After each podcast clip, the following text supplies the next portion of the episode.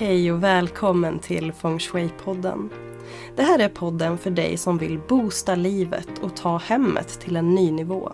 Jag heter Therese Skog och är certifierad Feng Shui-konsult och jag är din guide genom Feng Shuins magiska värld.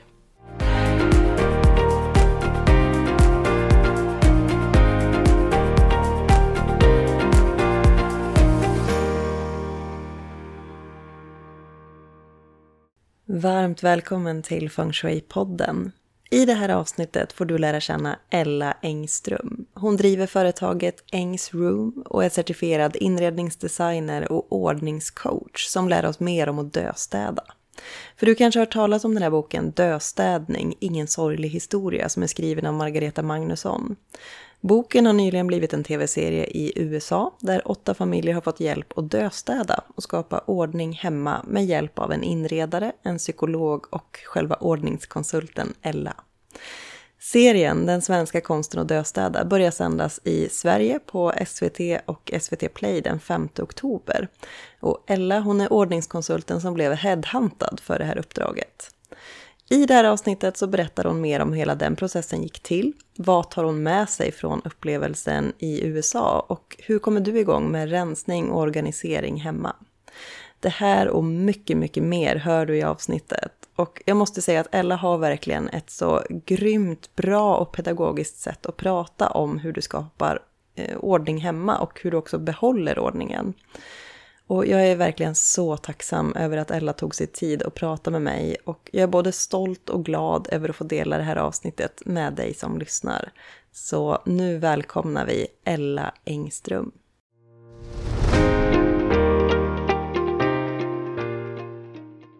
Men vi kör! Härligt! Då säger ja. jag väldigt varmt välkommen till Feng Shui-podden, Ella Engström. Ja, tack så mycket! Spännande, jätteroligt att få vara med i din podd.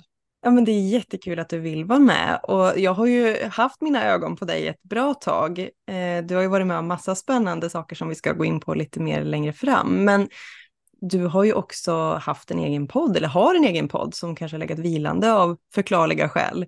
Ja, precis. Jo, jag har en podd som heter Hemmacoachen från kaos till ordning då, som också varit väldigt populär. Men mm. jag har inte haft tiden heller att spela in nya avsnitt, men vi får se vad som händer då, om jag tar tag i det igen. Så, ja. Precis. Och jag tänker, för de som inte vet vem Ella Engström är, vill du berätta lite kort, vem är du och vad gör du för någonting? Ja, Ella Engström i alla fall är ju jag då. Jag är 55 år gammal och eh, är väl ett levande bevis på att det aldrig heller är för sent att faktiskt följa sina drömmar och göra det man verkligen vill. Och det kommer vi säkert komma in en del på också under det här eh, avsnittet. Så då. Men jag bor uppe i Leksand och jag jobbar som inredningsdesigner och även eh, organizer då, eller ja, ordningskonsult gör jag. Så jag driver mitt egna företag som heter Engsroom och sen har jag utvecklat en egen metod som heter Rum 2-metoden. Så då. Och min bakgrund den är ju det, jag har ju varit inom vården först, tagit hand om barn, utbildad från gymnasiet och även jobbat inom äldrevården. Men sen så blev jag och böt bana så att jag har varit inom retailindustrin i väldigt många år, i över 25 års tid. Mm. Och där har jag jobbat som både konceptutvecklare, visual merchandiser och även varit chef för större avdelningar och det har varit med och utveckla större företag då i deras eh, resa med att bygga varumärken och så där mm. också. Och framför allt hur man tar hand om sortiment och produkterna i varuhus och butiker. Mm. Och när jag gjorde det, då såg jag verkligen också en likhet hur man tänker när man planerar en butik. Det här med att man verkligen ser hur flödena är, vad man vill ska hända i en butik, vad kunderna ska styras och gå. Och då såg jag att det finns otroliga likheter med det här som faktiskt går att appliceras in i hemmet också. Så, mm. så, så det, började det. Mm. Och det där är ju så fascinerande hur vi funkar som människor, att vi faktiskt har, vi dras till samma saker, vår hjärna reagerar ju på, på, på liknande saker och, och, det går ju liksom att styra oss människor, precis som du säger, genom en butik. Mm. Att det finns ju så mycket tanke bakom. Det gör ju Skyltningen det. och så. Ja. Och det är ju väldigt mycket vi gör faktiskt helt omedvetet också, så det ligger ju väldigt mycket psykologi bakom de här ja. delarna. Vi har ju våran autopilot påkopplad väldigt stora delar av vår vakna tid så att säga. Ja. Så att liksom sätta upp stöttande strukturer i sitt hem brukar jag kalla det, och det är det min, min metod bygger på, att verkligen se helheten i sitt hem. Så den är i fem steg, att man först tittar på sitt nuläge. Vad är det, hur ser det ut och vad har man för ytor och platser som liksom skaver? Vad är det mm. för saker som inte funkar i sitt vardagspussel, liksom, som är trögt? De här ställena där man har tjafs och gnat kring, mm. eller man känner sig stressad över. Och sen är steg två, att göra en åtgärdsplan.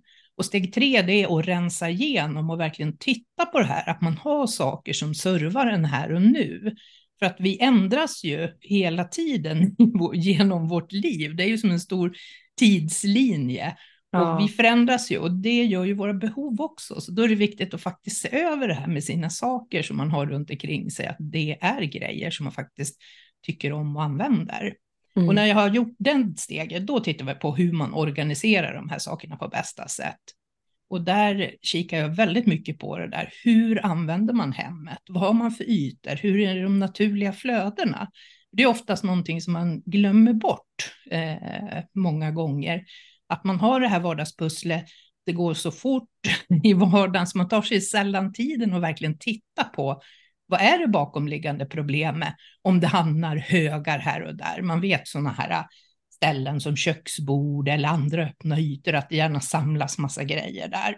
Och liksom titta på, ja men vad är det, varför samlas det saker här?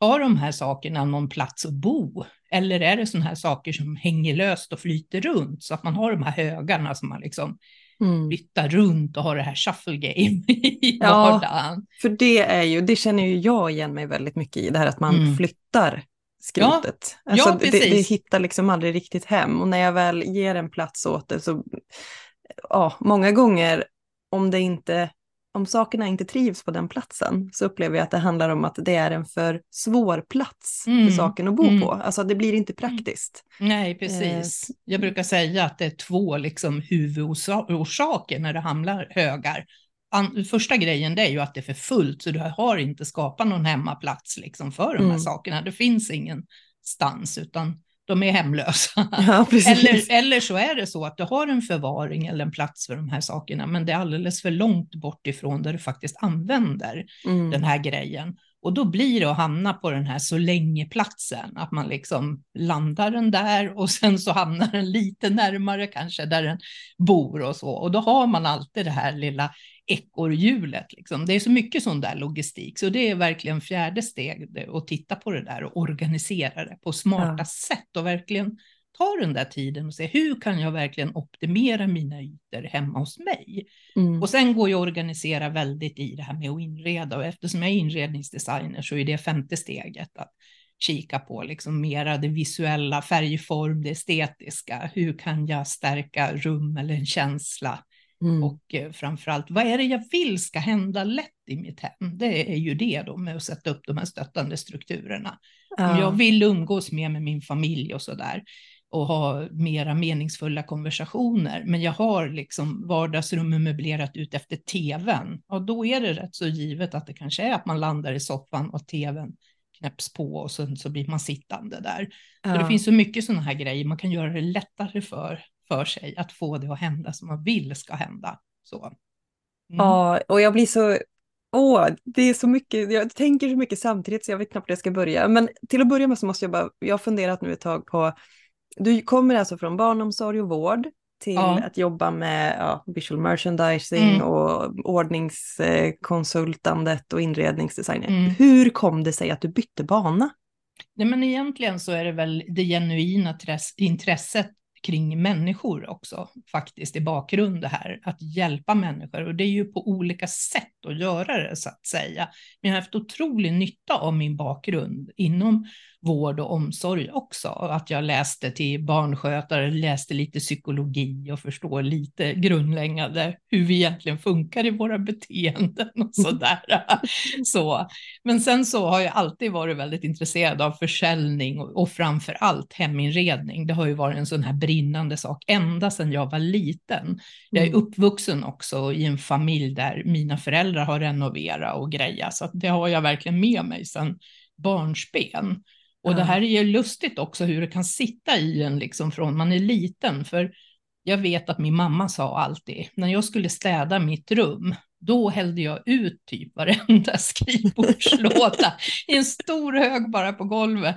Och sen började jag liksom att sortera och plocka om allting och du vet, ändrade platser på saker, möblera om och gav en förnyelse så. Ja. Jag vet en grej som jag verkligen älskade att göra när jag var liten, det var när vi skulle åka till min mormor. Hon hade en sån där jättestor glasburk med gamla knappar i, ursprättade knappar ifrån kläder som var i alla möjliga färger och former och, och sådär.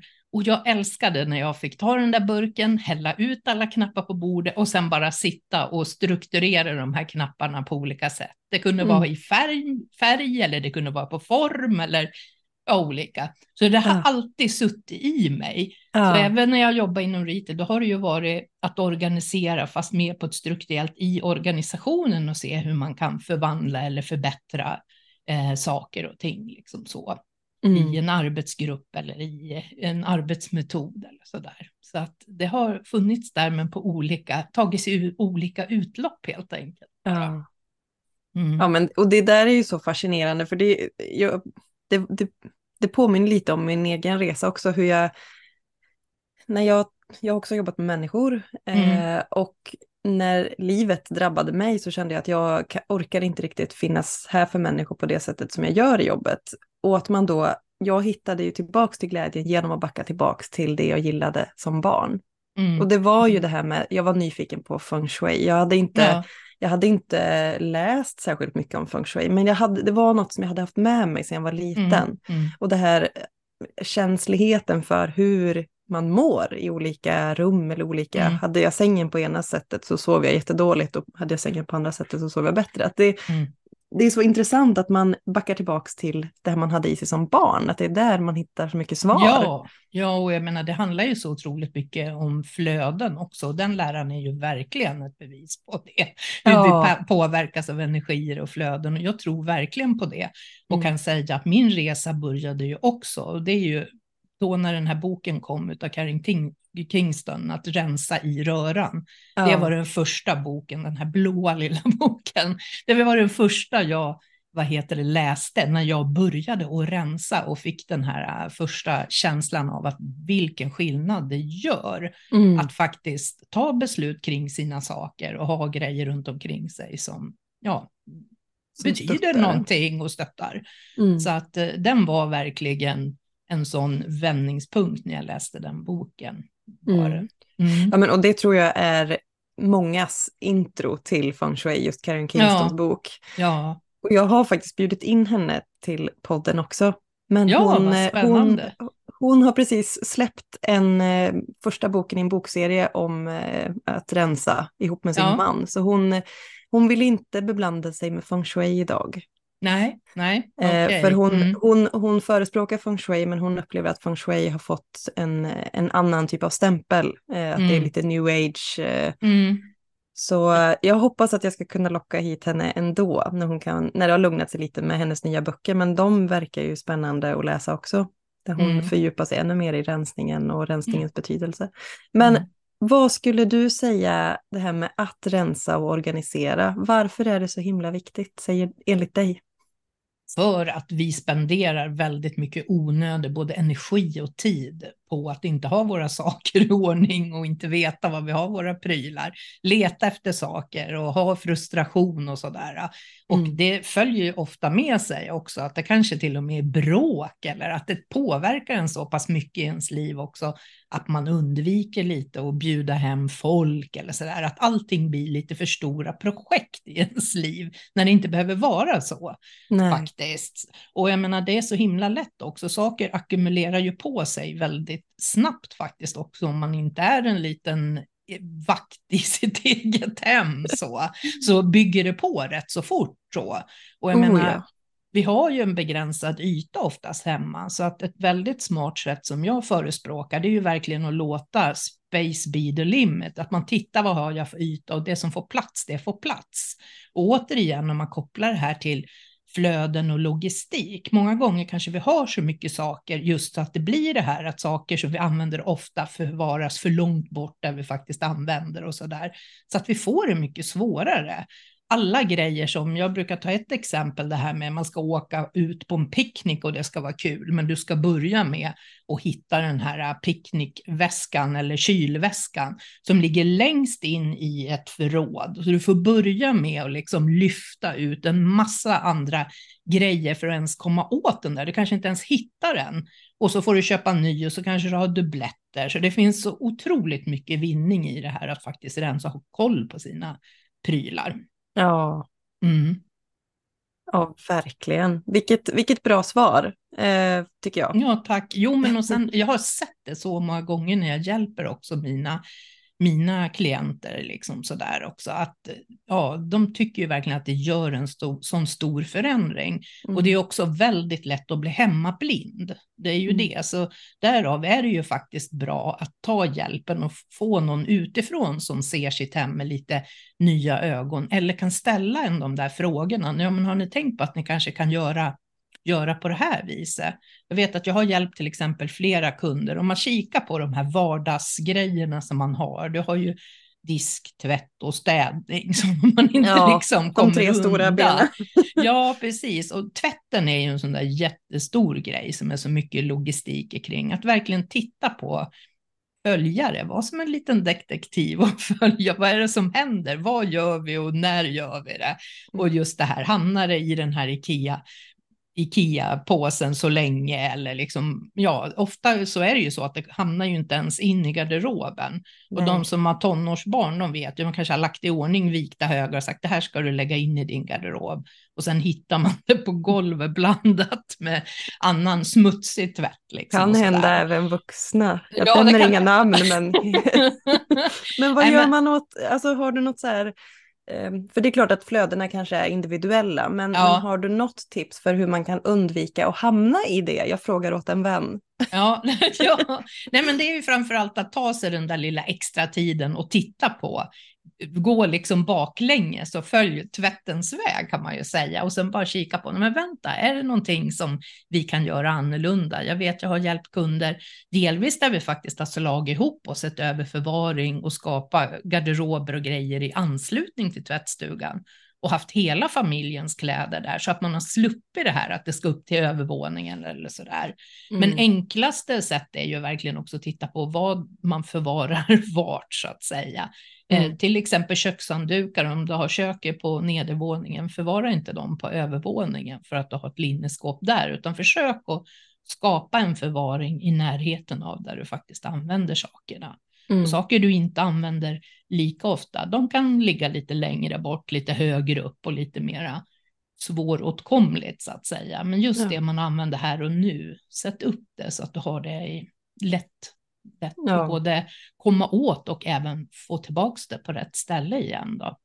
Precis. Mm. Ja, och det där är ju något som jag tänker att där är vi ju ganska eh, styrda av liksom normer och ja, vart man förvarar saker. Att det är, vi ska ha kläderna, antingen har du ingen walk-in closet så ska det vara i sovrummet. Men du kanske byter om i någon annanstans och då mm. kanske det är bättre. Alltså, det måste mm. inte, vi måste ju inte förvara sakerna där vi kanske är lärda att de ska förvaras lite grann, utan att det kollar på hur lever du Ja, och det är väldigt viktigt att utgå från sig själv, för det är väldigt mm. mycket vi bara gör också av en gammal vana, eller ja. att vi tror att det är så det behöver vara.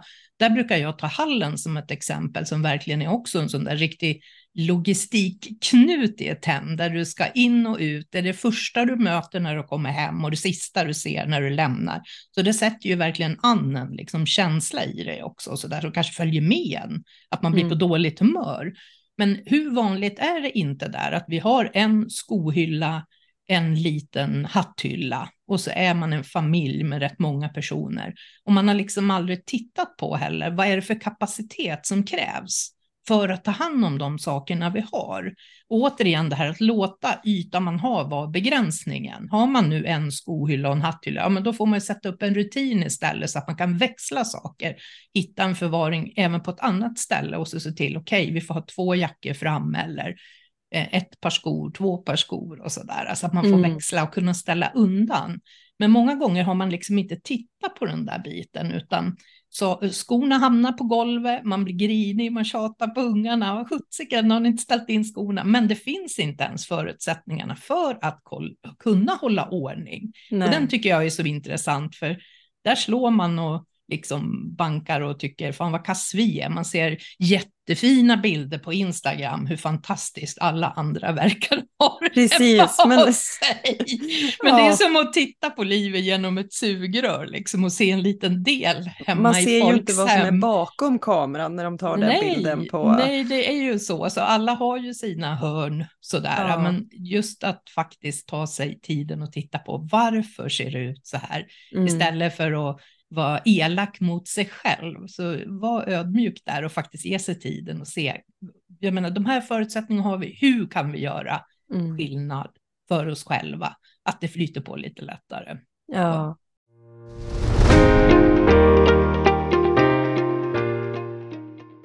Jag blir ju lite nyfiken. Hur skulle du beskriva ditt eget hem? Har du eh. fått, alltså upp, har, jag, jag, tänker, för, för min egen del så är det väldigt mycket så här, skomakarens barn. Jag har ja. en massa tankar och idéer om hur jag skulle vilja förbättra flödet i mitt hem och, eh, och så. Men jag har lite svårt att ta mig dit. En, alltså, jag kommer aldrig fram. Ja, ja. Hur, hur skulle du beskriva ditt hem? Nej, men det är väl faktiskt också både och. På vissa områden så kan det ju också vara skomakarens barn. Liksom mm. så. Vi köpte vårt hus 2010 och då var det ett litet sommarställe mer, så det var bara 58 kvadratmeter, typiskt sån här fjällstuga kan man säga. Timmerhus mm. med storstuga och två små, små sovrum. Och när vi köpte det så var ju verkligen tanken att vi skulle ha det som mer sommarställe, men att vi skulle kunna bygga ut och flytta hit mera permanent. Då. Men vi trivdes så bra så vi gjorde våran utbyggnad och byggde till 90 kvadratmeter och då hade vi ju verkligen möjligheten också att göra utbyggnaden och designa det utefter att våra barn har flyttat hemifrån. Jag har tre barn och alla är utflugna. Så det är min man och jag som är här och vi visste att vi vill ha hemmakontor och så vidare. Så mm. då kunde vi liksom bygga ut efter de förutsättningarna och det hjälpte ju väldigt liksom mycket ja. sådär. Men sen, har man ju, mm, men sen har man ju också saker som man har svårare för att kanske göra sig av med eller som man gillar väldigt mycket eller sådär. Och mm. där är också om man ska rensa bland sina saker så är det ju ofta det som folk tänker på. Om man gillar böcker som ett exempel då, då fokuserar man på de här böckerna och tänker, oj jäklar, det här kommer bli svårt, liksom, usch, jag skulle behöva göra mig av med, med det här. Så att man har gärna det lite top of mind, men det är ju det man spar till sist då, så att man verkligen kan bygga upp sin lilla rensarmuskel. Precis, känslan för vad man verkligen vill ha, behålla och inte. Eh, ja. Man börjar med något som är kanske lite lättare. För det, jag gick ut på Instagram och frågade mina följare om de ja. hade frågor till dig. Och, och det var ja. flera som skrev det här, vart börjar man?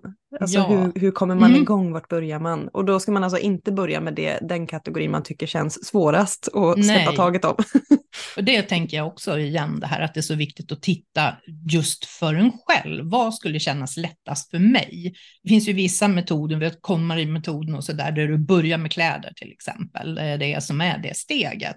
Men just kläder, det kan ju vara laddat som bara den för vissa personer och då är inte kläder det bästa att börja med heller. Mm. Så titta på vad du tror skulle vara lättast att börja med. Och ett trick tycker jag, det är faktiskt att leta efter dubbletter i sitt hem.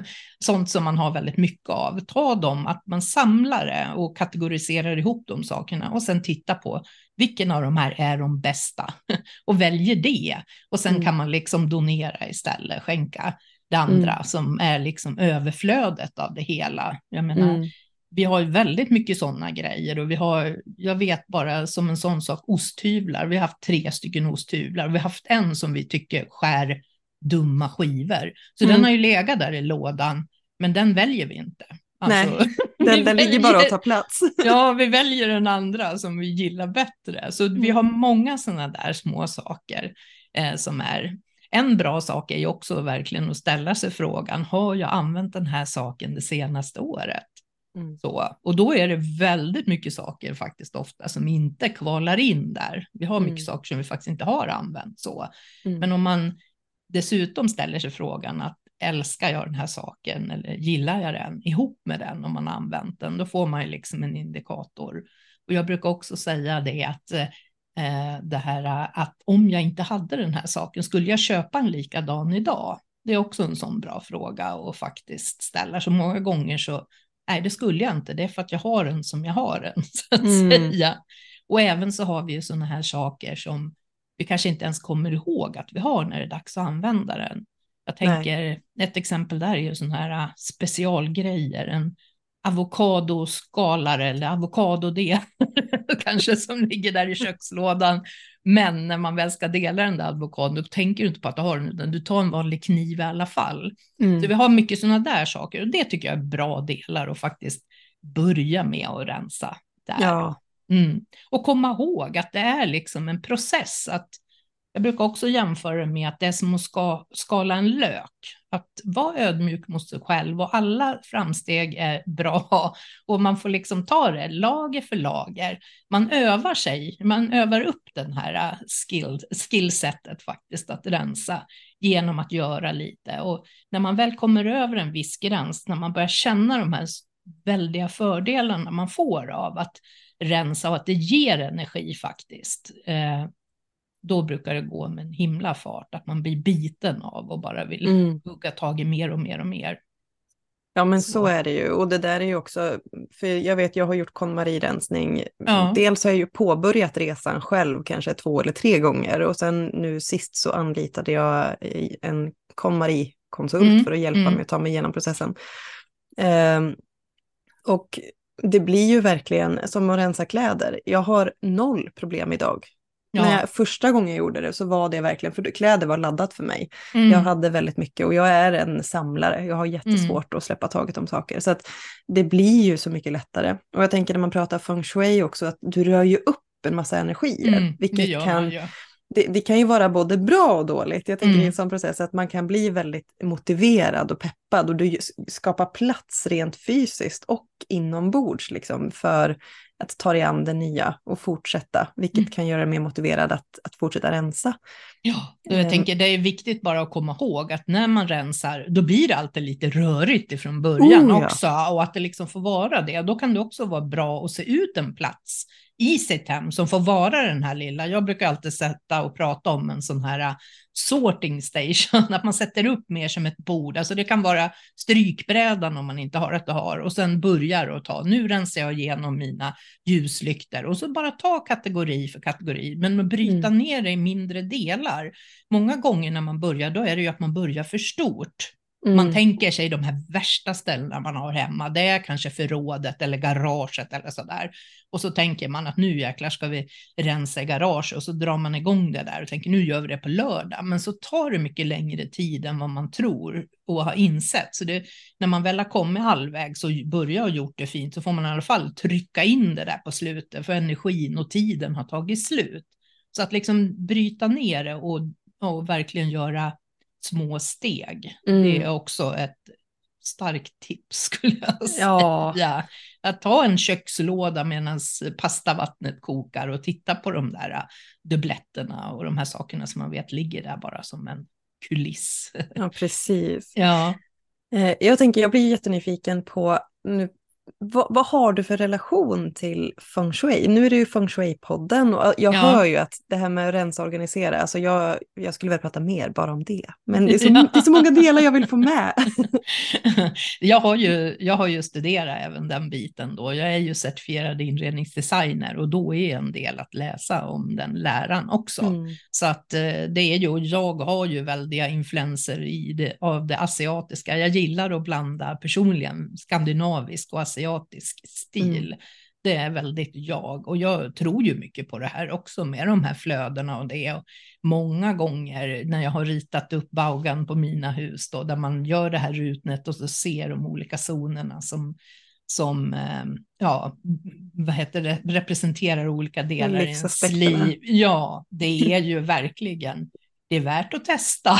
Så. Oh ja, det är Men det är skrämmande det. att det ja, stämmer så väl ja, tycker jag. Ja, det gör det verkligen. Men det är väl det, precis som du sa där med Karen Kingston, att hon tycker också att det har fått en liten, liten negativ stämpel. Det är väl det att många kan tänka, gud vad flummigt det där verkar. Ja. Men det är ju en gammal lära och jag menar, det finns väldigt mycket saker att eh, dra nytta av i den. I, i den oh, ja. också. Mm. Och där så. tänker jag framför allt, det, det som jag tror, för vi gör ju väldigt mycket feng shui mm. undermedvetet. Mm. Vi, vi möblerar på ett visst sätt för att det ja. känns skönt. Eh, och det tror jag att feng shui är så logiskt för att förr i tiden så hade vi inte vi hade inte en massa stimuli som eh, iPhones och reklam överallt och liksom, utan vi var tvungna att lyssna till vår magkänsla, vår, mm.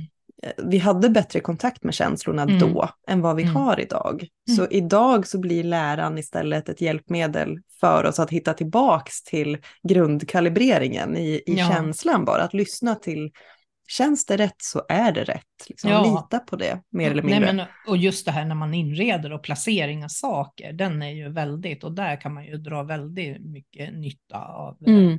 Feng shui. Alltså verkligen, för att eh, där har ju liksom både med alla elementen och just den här balansen i saker, färger, ja. hur färger påverkar oss. Alltså det är så mycket psykologi bakom mm. de här delarna också, där du faktiskt också kan få till den känslan. Men det gäller ju att gå på djupet och faktiskt titta efter igen då. Vad är det som gör det? Det är inte så himla lätt alla gånger. Man bara känner det här rummet trivs jag inte i. Det är något som skaver. Mm. Men tar man hjälp och titta då, då, då kan man verkligen sätta fingret på att titta här. Du sitter med ryggen mot dörren så du känner dig inte säker och trygg. Det här att sitta i kraftposition, att man liksom har uppsikten och och sådär. Så att det, det finns jättemånga delar med, med fönster och flöden och, ja. och så vidare att ta. Ja, och jag tänker också som, som jag har en del i min bland annat onlineutbildning som jag har, där man verkligen får titta på sin förvaring och se på både hur den är, vad man har för förvaring, vad det är för typ av förvaring, om det är en öppen eller stängd förvaring och sen framför allt se på hur jag placerar den också i mm. mitt hem. För du har ju siktlinjer när du går in i ett rum. Vad är det du ser? Har du en öppen hylla, säger vi, som står just i den här siktlinjen och att det är det första du ser, då kan du ju ge ett väldigt rörigt intryck i hela rummet. Så bara att placera den kanske på ett ställe där det inte är det första du ser kommer att förändra känslan i hela, mm. hela rummet. Ja. Sen såklart så kommer man inte undan i att just rensa ha de sakerna du använder och tycker om gör ju också att du kan höja det ytterligare liksom en nivå. Kanske även korgar eller något snyggt som du kan stoppa sakerna i så att du Precis. får bort lite av det här äh, bruset för ögonen. Ja. Liksom så. Nej, precis. Dold förvaring, det lugnar ju intrycken såklart. Ja, det gör det verkligen. Mm. Eh, och jag tänker, för du har ju tre barn. Mm. Eh, och jag hör ju att intresset för det här med att organisera och rensa, det har ju funnits mer eller mindre hela ditt liv. Jag blir, är dina barn, har de också fått samma intresse? Eller hur har de, för jag har förstått att de också har varit ganska involverade i era projekt och renoveringar och så när man ja. Jo, men det har de ju. De har ju fått växa upp med det här. Vi har ju faktiskt flyttat. Jag räknar ut att jag har flyttat 23 gånger. Åh, oh, herregud. I mitt liv. Jag kan säga att mina föräldrar stod för en del av det. Då. Men min man och jag, vi har också flyttat väldigt många gånger mm. tillsammans såklart med våra barn. Haft olika hus, renoverat och grejat. Så vi har haft mycket projekt. Så de har ju liksom hängt med på ett bananskal. Men det är klart att de har ju fått intresse och alla tre är ju väldigt inom det här estetiska och utvecklandet så att säga. En inom IT och, så där mm. och någon mm. inom mera film och musik och ljud och sådana delar. Och så Sara då, min dotter som är med mig i företaget mycket, som gör mina grafiska delar och så där. Ah. Som jobbar med det delvis då. Så att det är ju jättekul och jag menar, jag vet ju då när jag började att rensa, det kan ju vara eh, liksom utmanande från början, speciellt barns grejer och sådär. Mm. att de fick ju lära sig, men jag tänker det är också liksom en gåva och ger ge till sina barn att lära dem att ta lite beslut kring saker redan när de är små. Då får de ju det med sig in ja. i vuxenlivet. Så då. För att jag menar, barn har ju idag otroligt mycket leksaker. Oftast så rör de ju inte de här grejerna och tycker att de har inget att göra eller så, eller att det blir mer att man sitter med, med plattan och så också Precis. istället, att det lockar mer. Men där är ju också verkligen att ta undan saker och verkligen begränsa ihop det, just att växla leksakerna, låt vissa saker få vila lite. Mm. Och så det känns lite nytt så, för att om man själv som förälder känner sig överväldigad över alla leksaker som är överallt och så, då gör garanterat barnen det också.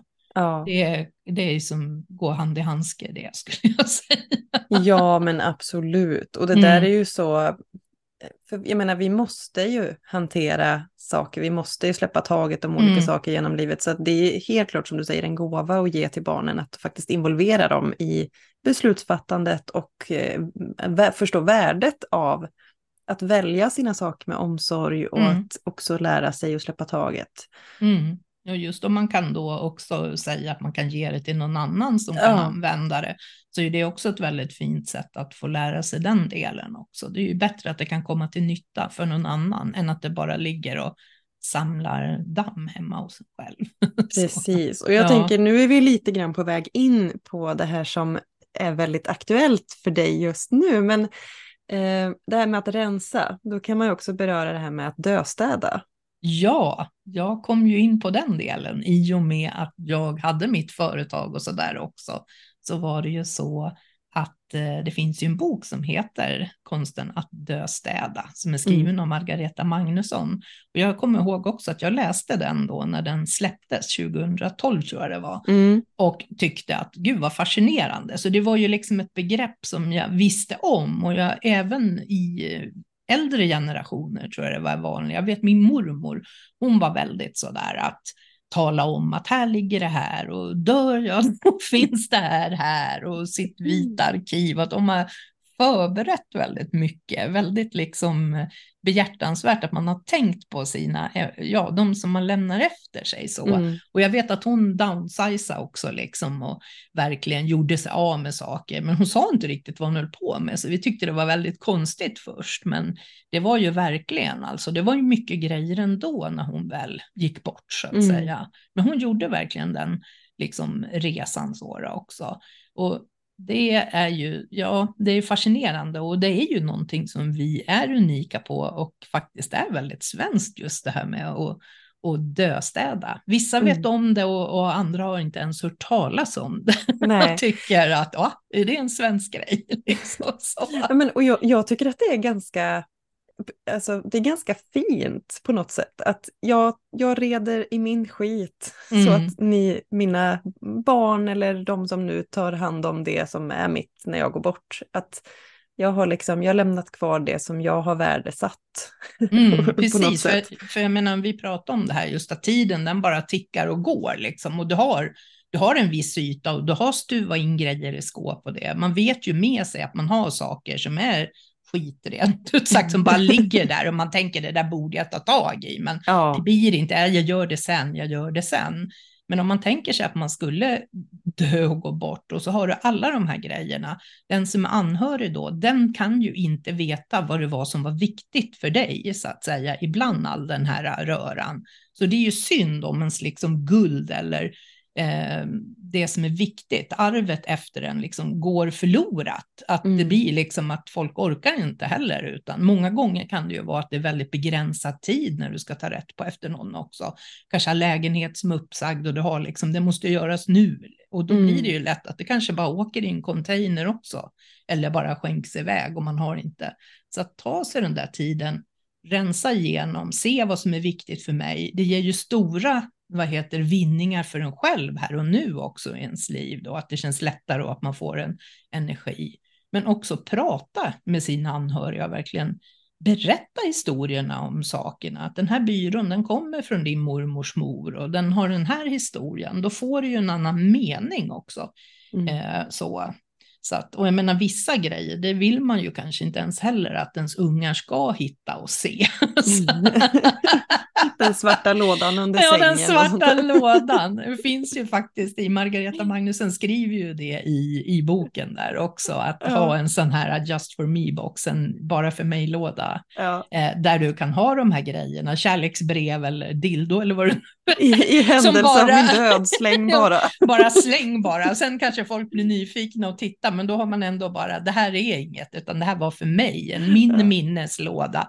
Saker som ja, bara betöd, betyder något för mig, så att säga, som mm. ingen annan har, har nytta av. Så. Mm.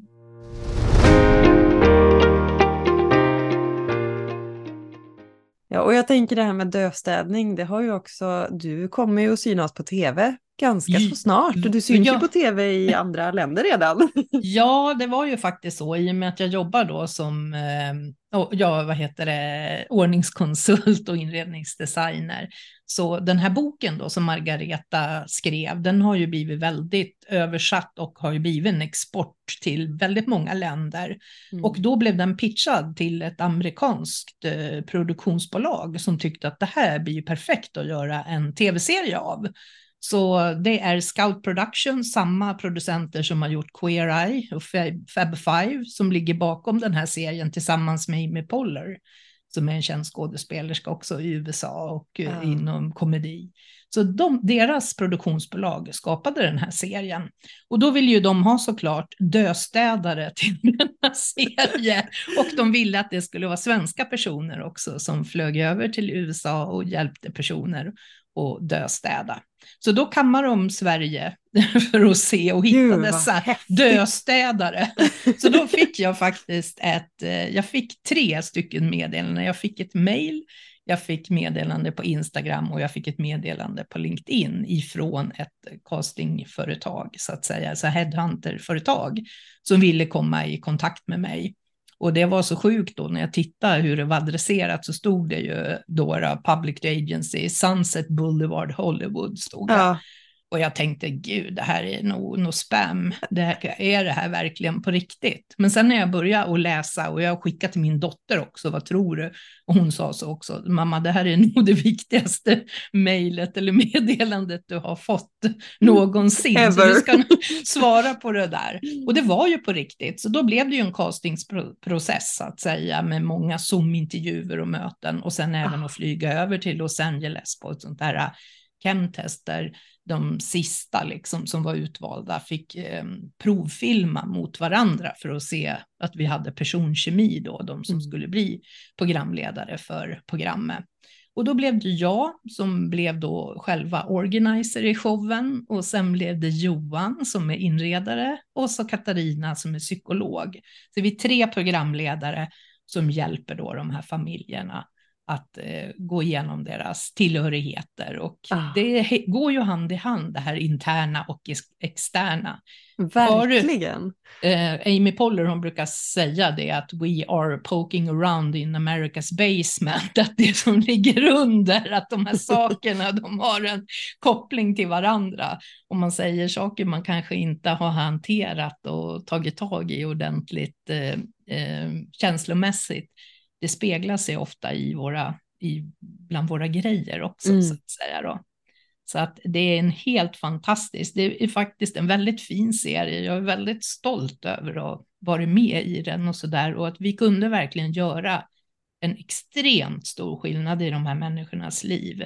Oh. Så det var ju häftigt verkligen och det som är så kul är ju att det har verkligen blivit en succé och den har blivit väldigt härligt mottagen också i USA.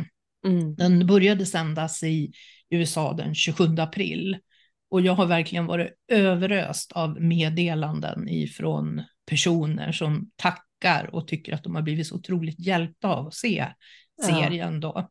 Så det tycker jag är så himla häftigt att även de som inte har fått hjälp handgripligen då också tycker att de får ut så himla mycket av att titta på den. De får ändå tips och inspiration att kanske börja ta tag i sin egen eh, skit, tänkte jag säga. Ja, precis. Yes, get your shit together. Ja. ja, men, och jag är så himla lycklig att den här serien, för jag, jag har ju jag har vetat om det här, att, att den här serien spelats in ända sedan det blev klart Ja. vem det var från, Ja. eller vilka det var som skulle få vara med. Och vart ju så besviken när det bara skulle sändas i USA och det gick Ja. liksom inte att se. Det hade premiär i USA och jag har helt desperat försökt hitta men alla de här sidorna är ju liksom bannade i andra länder. Ja. Det går inte ja, att de komma har åt varit dem. blockade liksom. Så Men- ja. Ja. SVT har ju köpt upp det här programmet så 5 oktober är det ju premiär för eh, Ja. den svenska konsten att döstäda. Ja, så är det ja. När det blir på svenska så är det så det heter. Och ja, 5 oktober. Jag vet faktiskt inte vilken tid det sänds då på själva linjär-tv, men det kommer ju även finnas på SVT Play och, Ja, och kunna titta där. Så då kommer det släppas ett nytt avsnitt varje torsdag. Eh, och det är ju åtta episoder så att Ja. säga. Då. Så då kommer man få följa oss när vi hjälper de här olika eh, personerna och familjerna. Och det är så kul för att det är så olika livssituation som de här befinner sig i. Så jag kan lova att alla kan känna igen sig verkligen och få ut någonting av att titta på det så också. Mm. Men det är väldigt varmhjärtad eh, show där vi också är väldigt ärliga och raka, ger dem den här sparken i baken, men med stor kärlek till dem vi hjälper. Och jag tänker det är så fint för det här har jag pratat med om man säger, branschkollegor om också. Att jag saknar ett program där man får med både det psykologiska, Mm, det organiserade och själva inredning, alltså Mm. det inredningsmässiga. Ni har ju fått med helheten som jag Mm. många gånger saknar. För många gånger så är det bara rent utseendemässigt. Vi skapar ett vacker, en vacker miljö till det. Ja, precis. Men nu, precis. nu får ni ju med helheten. Ja, och Mm. det är det jag gillar också så jättemycket. Och när Ja. vi väl blev utvalda till den här showen, vi, kom ju, vi fick ju en väldigt bra kemi, Johan, Katarina och jag. Mm. Och vi fick ju också möjligheten att vara med faktiskt och forma serien väldigt mycket. De lyssnade otroligt mycket på oss, produktionsbolaget, eftersom vi kom in med våran expertkompetens att säga i det här. Så vi kunde ju ja, verkligen vara med och, och forma hur, Ja. hur serien ja, utvecklades. Och det som är så fint är ju verkligen att vi tar upp svåra ämnen och vi pratar ju mycket om döden och sorg och sådär också Mm. i den här serien. Och det är ju någonting som vi generellt är otroligt dåliga på att prata omkring. Ja. Och i USA är det ju ännu värre, värre. Där är det ju verkligen tabu att prata om Mm. döden. De tycker ju att det är morbilt att Mm. prata om, om döden så att säga. Så det har verkligen varit en sån där sak att de har sagt att Gud har blivit så hjälpt av det här. Mm. Så, mm. Ja, men jag tänker döden är ju oundviklig. Ja, det, är ju, är ju det är ju det enda vi är garanterade, det är att vi alla kommer att dö en vacker dag. Eh, Och den, och den är faktiskt också, om man tittar ur perspektivet död, när du tittar på dina saker, mm, då blir ju egentligen inte speciellt mycket alls viktigt. nej. Så det är också någonting som skapar en skärpa i, måste jag säga, när man rensar igenom sina saker. Mm, Att faktiskt titta utifrån det perspektivet också. Och sen just tänka på det att om jag inte tar mig kragen och tar hand om en egen skit, hur kan jag då förvänta mig att mina anhöriga skulle Mm. tycka att det var kul? Alltså de vill ju ärva saker av det, men de vill inte ärva alla dina grejer. Det nej. kan jag garanterat lova att de inte vill. nej men, och jag tänker, det vet ju alla som har förlorat en nära anhörig och stått där med kanske ett helt Mm. hus med Mm. garage, förråd, vindkällare. Alltså, det är mycket att hantera, oavsett om det bara är en liten lägenhet som är kvar. Det är ju mycket känslomässigt, bara den Det är biten. ju det, det är ju otroligt. Och precis som du hade fått frågan därifrån någon när du hade, hur börjar man? Det Mm. är ju oftast väldigt överväldigande ändå. Men om Ja. du tänker att du ska stå och ta rätt på efter en anhörig också och vara i Mm. sorg dessutom när du gör det. Så att det är ju verkligen en av de absolut finaste gåvorna du kan ge till dina nära och kära. Mm. Att faktiskt ta sig tiden att kolla igenom sina saker och spara det som är viktigt och sen Mm. även våga ta de här diskussionerna eller liksom ha konversationen med varandra. Många gånger så spar man ju saker också för man tänker att det där vill den ha eller si eller så. Mm. Eh, bara för man tänker det kan vara bra att ha de här just in case grejerna. Men fråga istället, vad är det du gillar och vad skulle du vilja ha? Försök att göra upp lite sådana här saker innan så slipper det också bli tjafs och sådär i en syskonskara. Mm, precis. ja. Och jag tänker nu, de här åtta familjerna som ni har jobbat med under filminspel eller filminspelningen. Eh, Mm vad är det du tar med dig? Är det något så här, den här familjen eller det här resultatet? Eller är det något speciellt från hela den här resan som du bär med dig lite extra? Ja, men det är ju, alltså det är ju så svårt att välja bara en grej, men mm. lite det här som vi pratade om tidigare, det här när, när man ser, när det börjar falla ner på lätten, att de förstår att det är värt att göra jobbet och vilken otrolig förvandling eller energi det ger när du får upp det här momentum och när du börjar känna dig liksom fri och full av energi av att ha mm. gjort den här resan och tagit de här besluten om de här grejerna det blir ju alltid efteråt att jag kan inte förstå varför jag håller kvar de där sakerna och det är att gud vilken skillnad. Jag hade mm. inte kunnat tänka i min vildaste fantasi att det var så här det skulle kunna bli efteråt. Att titta lite på istället också, vända det här perspektivet att vad kan jag få istället för vad man gör sig av med så att säga. Mm. Vad vill jag behålla? Hur vill jag designa mitt liv? Hur vill ja. jag att det ska flyta på på bästa sätt? Vad är det som inte servar mig längre så att säga. Så att Precis. det var helt fantastiskt att, att, få vara med och, och hjälpa de här familjerna. Och eh, ja, tacksamheten, de är ju vänner idag. Jag har ju kontakt med alla familjer och, och så där. Och jag menar, det var ju ibland hela hus och vi fick ju avgränsa och säga att vi tar de här ytorna och rensar. Så de fick ju verkligen redskapen att kunna fortsätta själv. Och det är så kul också när jag får de här meddelanden. Nu har jag ja, liksom kommit på nästa lager i den här löken och ja. gått igenom de här delarna. Det är ju också helt otroligt. Vilket kvitto på att det verkligen är betydelsefullt och har effekt dessutom. Ja, ja. och det är det som är verkligen liksom det man tar med sig allra mest, att man ser verkligen vilken skillnad det kan göra i människors liv. Ja, ja men det gör det. Och mm. för, som, som jag sa i början, för mig var ju det, det var ju där jag kände skillnaden. Jag mm. kunde tänka andra tankar, jag kunde liksom utifrån det psykologiska. Men det var ju när jag började förändra min omgivning som jag kände skillnaden mm. direkt. Mm.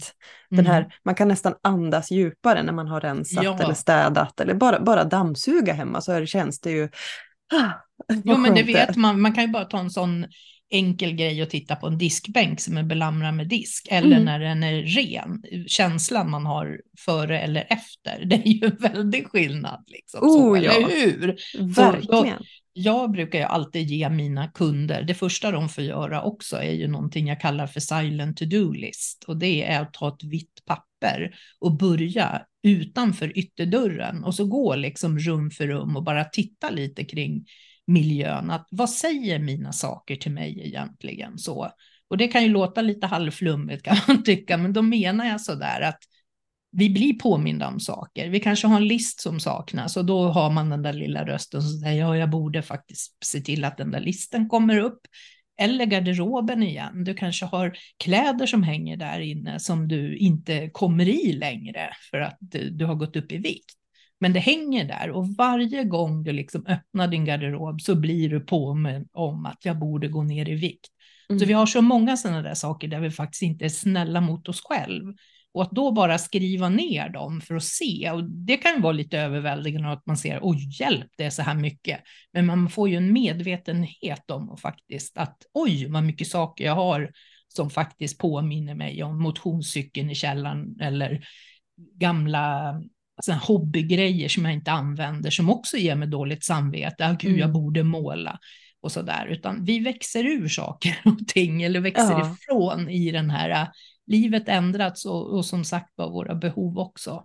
Så att eh, vi har ju alla möjligheter att forma och designa och eliminera mm. eh, det som faktiskt skaver. Så och, det, det är ja. ju bara att ta den chansen, tänker jag. ja, men absolut. Och det där ja. är verkligen ett supertips, för det vet jag, det, det har jag gjort själv här hemma mm. också. Det är något som jag också har tipsat om i poddavsnitt, vet mm. jag, där just ta ett blankt papper och så börjar du utanför dörren och så går du typ med ja. sol genom ja. varenda rum i huset och bara skriv ner. Skit oh. i hur stora grejer det är, men bara skriv ner allt som du stör dig på i de olika rummen eller allt som liksom skaver lite eller som du vill förändra, förbättra använda Precis. vilka ord man vill, men liksom för att samla det, för att se det objektivt och också för att kunna prioritera.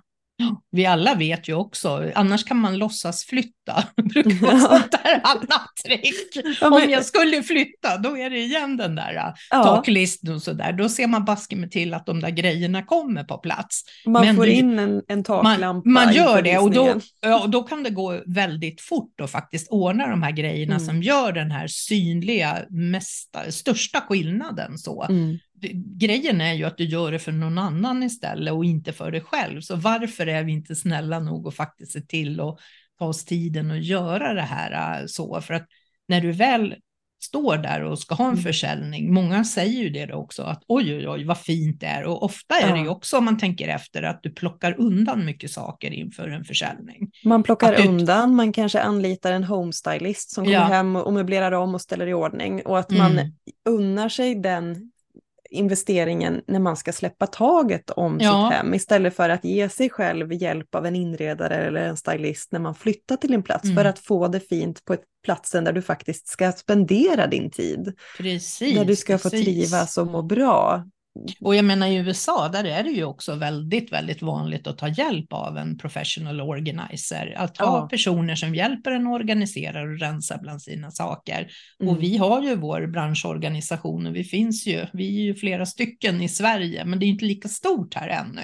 Men, men det, det börjar ju komma hjälpen, i alla fall. Ja, och det finns ju hjälpen att få och framförallt det här, man kan göra en hel del själv också, men just ta den här hjälpen och se sitt hem med nya ögon och få den här början, att vad kan jag dra igång så att man mm. kan bygga upp den här muskeln, muskeln själv också. Liksom så. Ja. Och, jag menar rensa foton, det kanske man inte behöver ha en, en eh, organisatör som sitter och hjälper en bredvid. Det kan man ha också såklart. Ja. Men jag menar det finns många delar man kan gå ner i djupet själv, men att få den här eh, övergripande strukturen och hjälpen för att mm. få de här eh, flödena och det att fungera det är riktigt smart att ta den hjälpen. Ja, och jag tänker att det blir lite som en kickstart, mm. där du kanske får hjälp med grundstrukturen, precis som du sa, och att mm. hantera vissa saker som inte är lika känslomässigt kopplade, ja. för att du ska kunna lägga din energi och ditt fokus på att hantera de sakerna som kanske är mer med affektionsvärdet och så.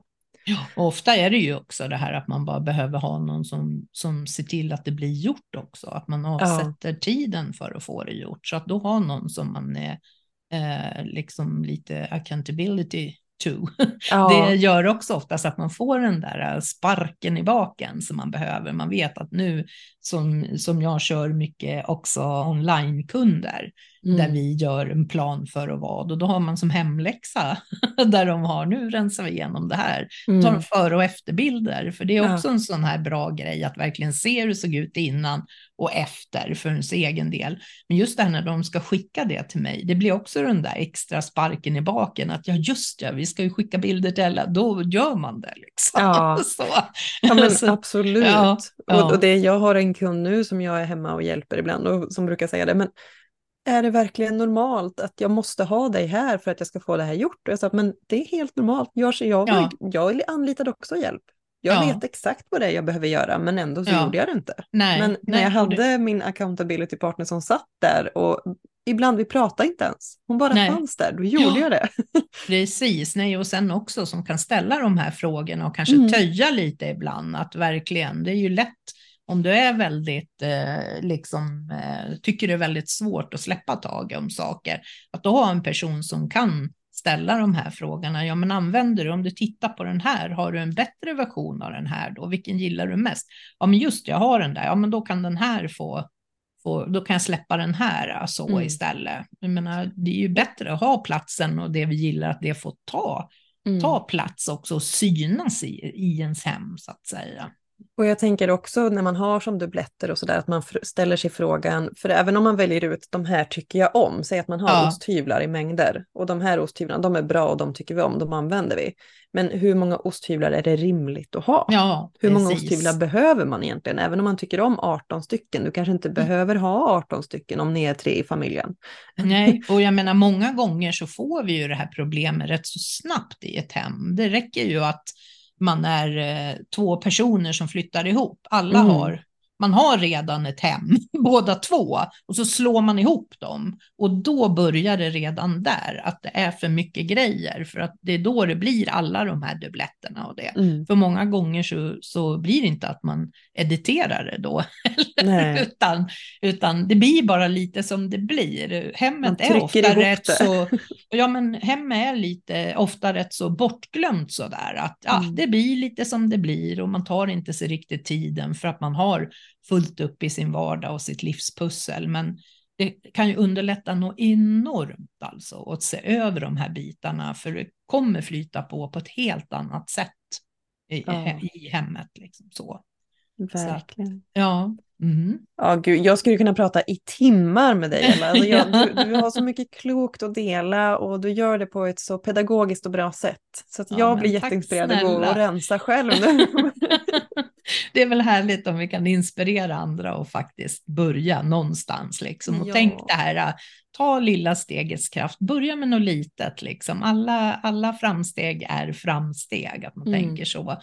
Och sen också, jag brukar uppmana mina kunder att faktiskt fira eh, också, sådär, del, delfira sina ja. framsteg.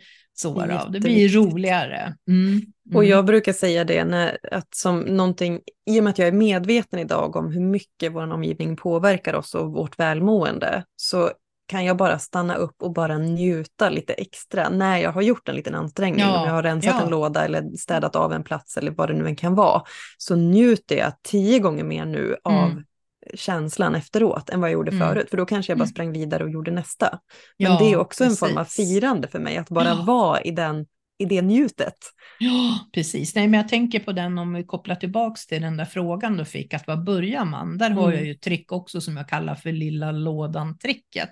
Mm. Och det är att ta en kartong som är i storlek ungefär som en skollåda och sen så ta sådana här ytor. Det kan vara skrivbordslådan med alla pennor eller så. Alltså du fyller upp hela den här skolådan med grejer. Sen kan du ta med den till soffan och sitta framför tvn om du mm. vill det. Tillsammans med en sopsäck eller liksom så du kan återvinna grejerna.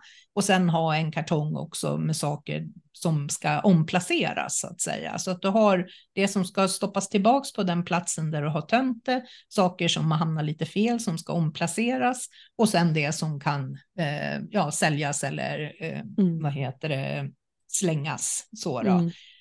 Och så går man bara igenom den där lilla lådan, men då har man börjat och gjort någonting och verkligen säkerställt att man har gått igenom pennorna som inte funkar och hela så där. Sen tar man nästa liksom så. Det är nattuslåda, alltså vi har så många, det är badrum, alltså det finns ja. så många ställen du kan jobba med den där lilla, lilla lådan bara till att börja med. Mm. Och göra en sån per dag, då har mm. man verkligen kommit igång. Liksom, ja. Och sen kan man ta en större kartong eller en större yta och så köra igenom hemmet på det mm. viset också. Så det tycker ja, jag är ett jättebra trick som har hjälpt väldigt många av mina kunder. Ja, verkligen. Jag har en sista fråga till dig. Och det mm. är, om du fick uppfylla en enda önskan just nu, vad skulle det vara för någonting? Åh, önskan. Ja, men det är väl verkligen. Ja, men eftersom det ska vara premiär nu då också på den här äh, tv-serien, det är väl att så många som möjligt tittar på den och också kan äh, känna att de får den här hjälpen faktiskt genom att äh, titta på serien. Det är min mm. önskan. Mm. Jag tänker att jag kommer lägga in länkar till, eh, ja, men till din hemsida och hur man får kontakt med dig i avsnittsbeskrivningen och eh, kommer även och jag vet inte om de har lagt upp någon länk på SVT, det har de gjort va? Med... Jo, det, nu ligger det där under kommande. Så ja. nu kan man ju gå in där och så hjärta den och så att det kommer Precis. upp på min lista. kan man göra. Så jag länkar den, bort. det också i avsnittsbeskrivningen ja. så att man kan klicka in och ja. lägga in som ett kom ihåg till sig själv. Ja, 5 var... oktober. 5 oktober och sen är det ett annat program. Jag var nere och gjorde en intervju nu. Det finns ett program som heter Studio 65. Det riktar sig ju till pensionärer och äldre som också går på SVT Play. Nu är det Katte Sahlström och Ingmar Skog som är programledare och vi var där, jag och Katarina och gästade dem och det eh, avsnittet går den 4 oktober. Så det kan jag också rekommendera att titta på om man vill ha lite mera tips och pra, ja, höra prat kring när vi resonerar kring det här med döstädning. Gud vad spännande. Mm. Och jag tänker att vi kommer säkert att få se dig och få höra dig och dina kollegor som var med och spelade in den här serien lite här och var framöver nu. Det ska bli jättekul. Jag är säker på att det kommer att bli en total succé den här serien, även här i Sverige. Ja, det hoppas vi verkligen så att det är. Och jag menar när vi var över så, jag menar det bygger ju också lite på den här skillnaden svenska kontra amerikanska. Och vi pratar engelska, svengelska, men det var ju också bara charmigt att vi kommer ja. från Sverige. Ibland säger vi fel och, och så vidare. Så, så är det. Vi bjuder på oss själva helt enkelt. Ja, men vad härligt. Ja. Underbart. Ja, ja. Eh, tack snälla Ella för att du tog dig tid att vara med i Feng Shui-podden. Ja, men tack snälla för att jag fick komma som gäst. Ja, jag Jättetrevligt. Bara glad och supertacksam. Och jag hoppas att vi kanske får möjlighet att höras igen framöver. Ja, men det kan vi säkert göra, absolut. Ja. Och så vill jag rikta såklart ett stort tack till dig som har lyssnat också. Tack för det.